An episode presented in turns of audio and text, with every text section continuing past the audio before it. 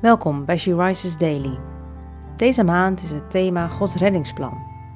En vandaag luisteren we naar een overdenking van Teersa Benders. We lezen uit de Bijbel, Openbaring 20, vers 10 en 14 en 15. En de duivel die hen misleidde, werd in de poel van vuur en zwavel geworpen, waar ook het beest en de valse profeet reeds zijn. En zij zullen dag en nacht gepijnigd worden in alle eeuwigheid en de dood en het rijk van de dood werden in de poel van vuur geworpen.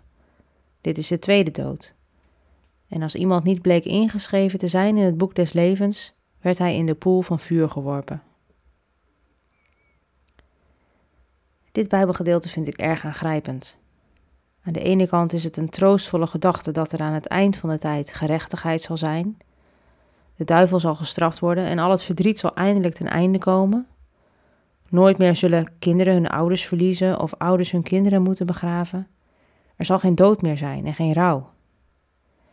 Maar deze Bijbelversen spreken tegelijkertijd ook een duidelijk oordeel uit. Zij die niet in het boek des levens staan, worden in de poel van het vuur geworpen. Dat is een gedachte die ik maar liever van me afschuif. Vooral als ik denk aan de vele mensen die de Heer Jezus nog niet erkennen als hun verlosser. Maar ik put hoop uit wat David zegt in 1 Kronieken 21, vers 13. Laat mij toch in de hand van de Heere vallen, want zijn barmhartigheid is geduldig en genadig. Het is zijn verlangen dat iedereen zich tot hem bekeert.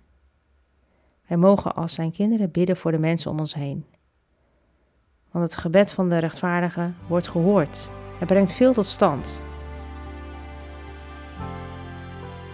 Laten we bidden. Vader, dank u wel dat u het kwaad zal straffen, dat u het oordeel zal vellen en dat ik dat niet hoef te doen. Dank u dat u het onrecht hier op aarde ziet en dat u er een einde aan zal maken. En dank u wel dat u naast rechtvaardig ook zo geduldig en liefdevol bent. Bescherm mij voor gevoelens van wrok en help me om het oordelen aan u over te laten, Heer. Ik wil ook pleiten voor hen die u niet erkennen als hun redder in het bijzonder voor de mensen van wie ik houd. Raak hen alstublieft aan met uw Heilige Geest en richt hun harten op u. Amen.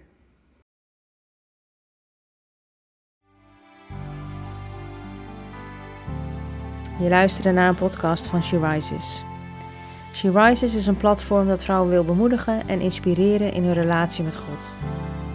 We zijn ervan overtuigd dat het Gods verlangen is dat alle vrouwen over de hele wereld Hem leren kennen.